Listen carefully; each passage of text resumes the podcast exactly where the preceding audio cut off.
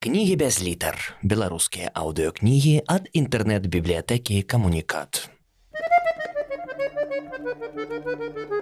Артур Клінаў. Локісаў. Раман. Глава 38. Першым у спісе ішоў рабочы Бруевіч. Калісьці гадоў 20 таму Ён узначальваў мясцовую суполку народнага фронту, калі той яшчэ быў на ўздыме.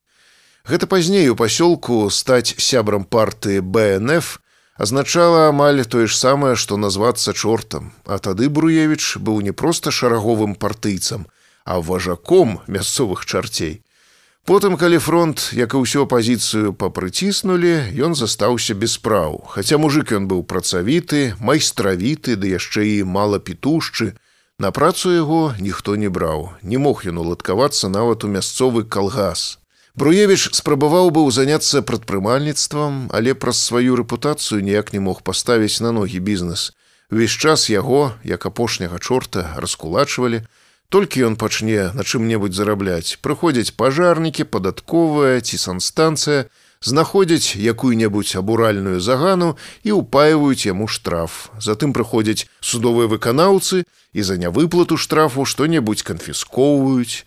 Асобна штрафавалі і таксама што-небудзь канфіскоўвалі мянты за ўдзел у акцыях апазіцыі ў мінску, на якія Бруевіч раз-пораз выбіраўся. Здаралася, што і канфіскоўваць ужо не было чаго, тады забіралі, што ёсць, як правіла мэблю: канапу, тумбачку, шафу, Напрыканцы сваіх ліхтугаў, Чорт Бруевіч спаў ужо проста на падлозе на матрацы, жыў без тэлевізара, без жонкі, без праса, без пральнай машыны. Калі чорт Бруевіча ўсё дастала, ён плюнуў і з'ехаў шабашыць у рассію. А некалькі гадоў таму ён вярнуўся ў пасёлак пастарэлым, закаранелым чортам, і ўладкаваўся качагарам у кацельную замка. Ясна, што ні на якую іншую службу яго і цяпер бы не ўзялі. А замку, як буйному алігархічнаму капіталу нетутэйшага паходжання, было глыбока начхаць, якая ў чорт бруевіча арыентацыя і хто там падкідвае вугольчык в яго топку. Праўда, праца гэта была сезонная, але пражыць дапамагаў яшчэ агарод і невялікая прысядзібная гаспадарка. З людзей, якіх локісаў сустрэў пасёлку, Бруевіч болей за ўсіх нагадваў пярэваратня. Нечым ён нават быў падобны да маджахеда, невысокі, але жылісты, мускулісты, кароткая фрызура, суровы фанатычны позірк і барада аля талібан. Бруевіч адразу ж пагадзіўся, сказаў, што ў яго свае рахункі з уладай, таму падтрымае любую ідэю, якая стане ёй папярок горла. Другім у спісе значыўся Эмануил Фіксевіч, былы рэдактар раённай апазіцыйнай газеты край свету. Росквіт выдання прыйшоўся на канец 90-х, калі гэты край свету яшчэ быў цікавы і сорасу і палякам і нават троху меркель. Аднак потым пачаліся фінансавыя цяжкасці і газета пачала чэзнуць. У апошнія гады перад закрыццём яна ўжо амаль не давала ўласных матэрыялаў, не было чым плаціць журналістам, рабіла дайджест перадрукоўвала артыкулы з іншых выданняў. Каб стварыць ілюзію загнівання рэжыму Эмануил фіксевич стараўся адшукаць найбольш жудасную аналітыку і самыя жахлівыя навіны.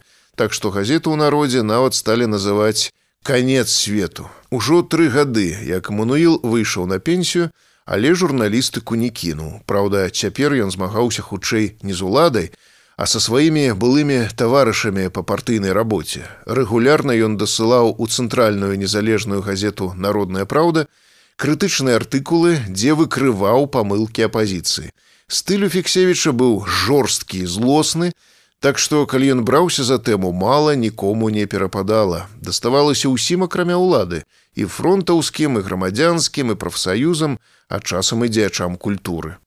Локісава ўразіла яго дзіўная манера рыфмаваць словы падчас гаворкі, прычым у самых нечаканых месцах.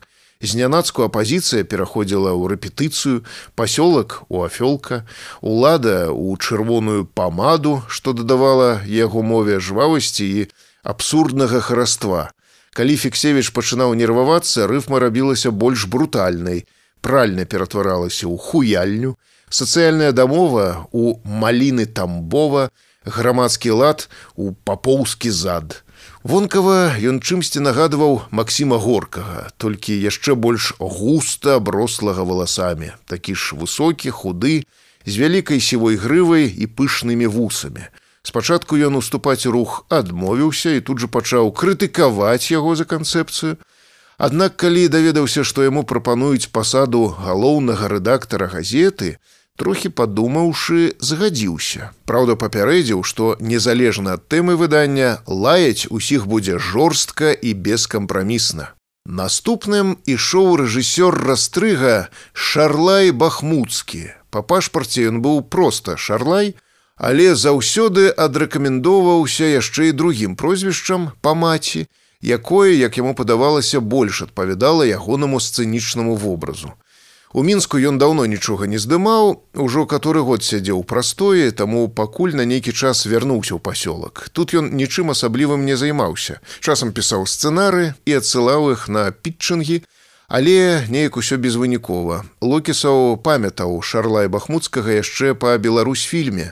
Асабіста знаёмы не быў, Аднак шмат пра яго чуў. Казалі, што ён вельмі таленавіты, але нора ўмеў шалёны і сварлівы прыход свой не мілаваў, асабліва на здымачнай пляцоўцы бывала, што і ўрыла і ў ока, А калі напіваўся, мог па паддзям з міністэрства культуры проста ў твар выказаць усё, што пра іх думае.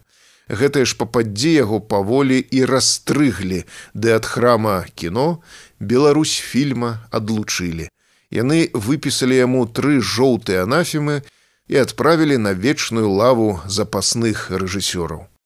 Характар шарлая ад гэтага бясконцага прастою сапсаваўся яшчэ болей. Распораз ён упадаў у запоі, а калі з іх выходзіў, пакутліва ўсіх ненавідзеў, казаў, што бездары яго заціскаюць, лаяў уладу, але даставалася ўсім, у тым ліку апазіцыі.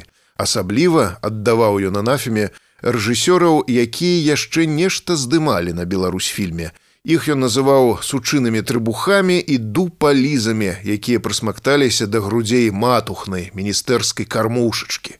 Найбольш ненавідзеў па падзеі самога міністэрства, называў іх фурыямі, прастытуткамі, крывасмочкамі, ведьмамі і агністымі гіенамі. Пад нумарам 4 ішоў хіпстер і былы студэнт зыбіцкі. Ён таксама жыў і вучыўся ў мінску, але кінуў універсітэт пасля трэцяга курса. Сам ён казаў, што на час узяў паузу, каб асэнсаваць сваё месца ў гэтым свеце, а паколькі асэнсоўваць сябе значна танней у маці, чым на дарагой здымнай кватэры ў сталіцы, то зубіцкі на годзік перабраўся да бацькоў на вёску. Аднак у цэлым хлопец быў разумны, прагрэсіўны, апрануты па апошніх трендах хіпстарскай моды, любыя новыя павевы ідэі ён прымаў на ўра, таму атрымаўшы прапанову ўвайсці ў вузкае кола палітбюро з радасцю пагадзіўся. Замыкаў кампазіцыю мясцовыя энтузіясты колах карпуль. Сам ён называў сябе адвакатам лесу і бачыў сваю місію в абароне яго інтарэсаў. Але паколькі лес у пасёлку ніхто не чапаў, рос сабе ды рос, а нават калі падаў не быў нікому патрэбны, то карпулю па вялікім рахунку не было чым заняцца. Ён спрабаваў пераключыцца на жывёл, пачаў прадстаўляць іх інтарэсы, але і тут яму не было нейкай працы. Жывёлы пладзіліся, як ніколі раней, асабліва ваўкі.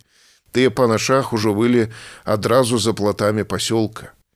Карпуль вельмі сумаваў па сапраўднай справе, Таму распораз выбіраўся ў мінск пастаяць з зялёнымі ў абароне якога-небудзь чэзлага скверыка, ды папіхацца грудзьмі з панурамі аранжавымі мужикамі з зелянбуду.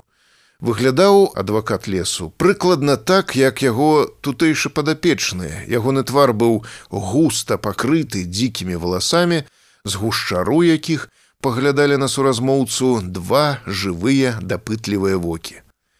На пачатку да думкі, што локіса няма, Карпуль паставіўся скептычна. Яму ў прынцыпе не падабалася ідэя, што нейкі рэдкі від, а тым больш гібрыд мядзведзей чалавека можна вось так рэвалюцыйным метадам выключыць са спісу існых на зямлі. Аднак затым, трохі падумаўшы, ён пагадзіўся ўвайсці ў партыйны касцяк, але з умовай, што калі локіс ўсё-такі ёсць, то ён, як адвакат лесу, будзе ў новым руху прадстаўляць яго інтарэсы. У цэлым сустрэчамі з будучым партыйным касцяком локісаў застаўся задаволены. Больш, па словах надзею пасёлку не было на каго абаперціся, Аднак сем чалавек разам з ім і так здавалася нямала. Бянтэжыла локісава толькі адно дзіўнае ўражанне, якое рабілі будучыя члены палітбюро. Пры ўсёй разнастайнасці прафесіі лёсаў аб'ядноўвала іх нейкая агульная панурасць, азлобленасць і нелюдзімасць.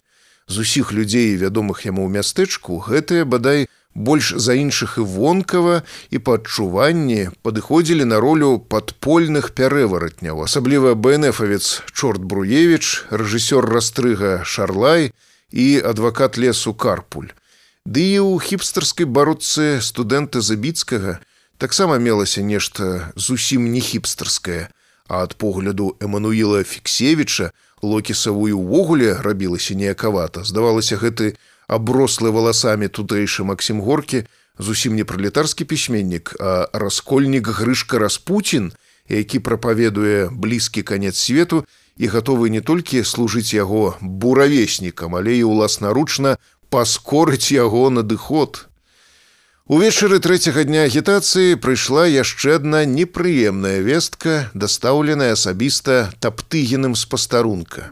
Ужо сцямнела, калі да бібліятэкі пад'ехаў казёл, з якога пыхкаючы вылез Михалыч. Увайшоўшы ён моўчкі сунуў надзеі пад нос паперу, дзе казалася, што ў адпаведнасці з законам аб масавых мерапрыемствах устаноўчы сход грамадскага руху локіс офф не можа быць праведзены ў сценах публічнай бібліятэкі, што паводле рэгламенту заяўка на гэтае мерапрыемства павінна быць пададзеная мінімум за 15 дзён да падзеі. А паколькі гэта не зроблена, то дадзенае мерапрыемства з'яўляецца незаконным і не можа быць праведзенае нідзе ў грамадскім месцы, а ўжо тым больш у дзяржаўнай установе. Акрамя таго, агітацыя за гэтае мерапрыемства таксама з'яўляецца нелегальнай. А калі арганізатары ўсё ж зробяць спробу яго правесці, то органы ўлады маюць поўнае права спыніць яго усімі мажлівымі сродкамі.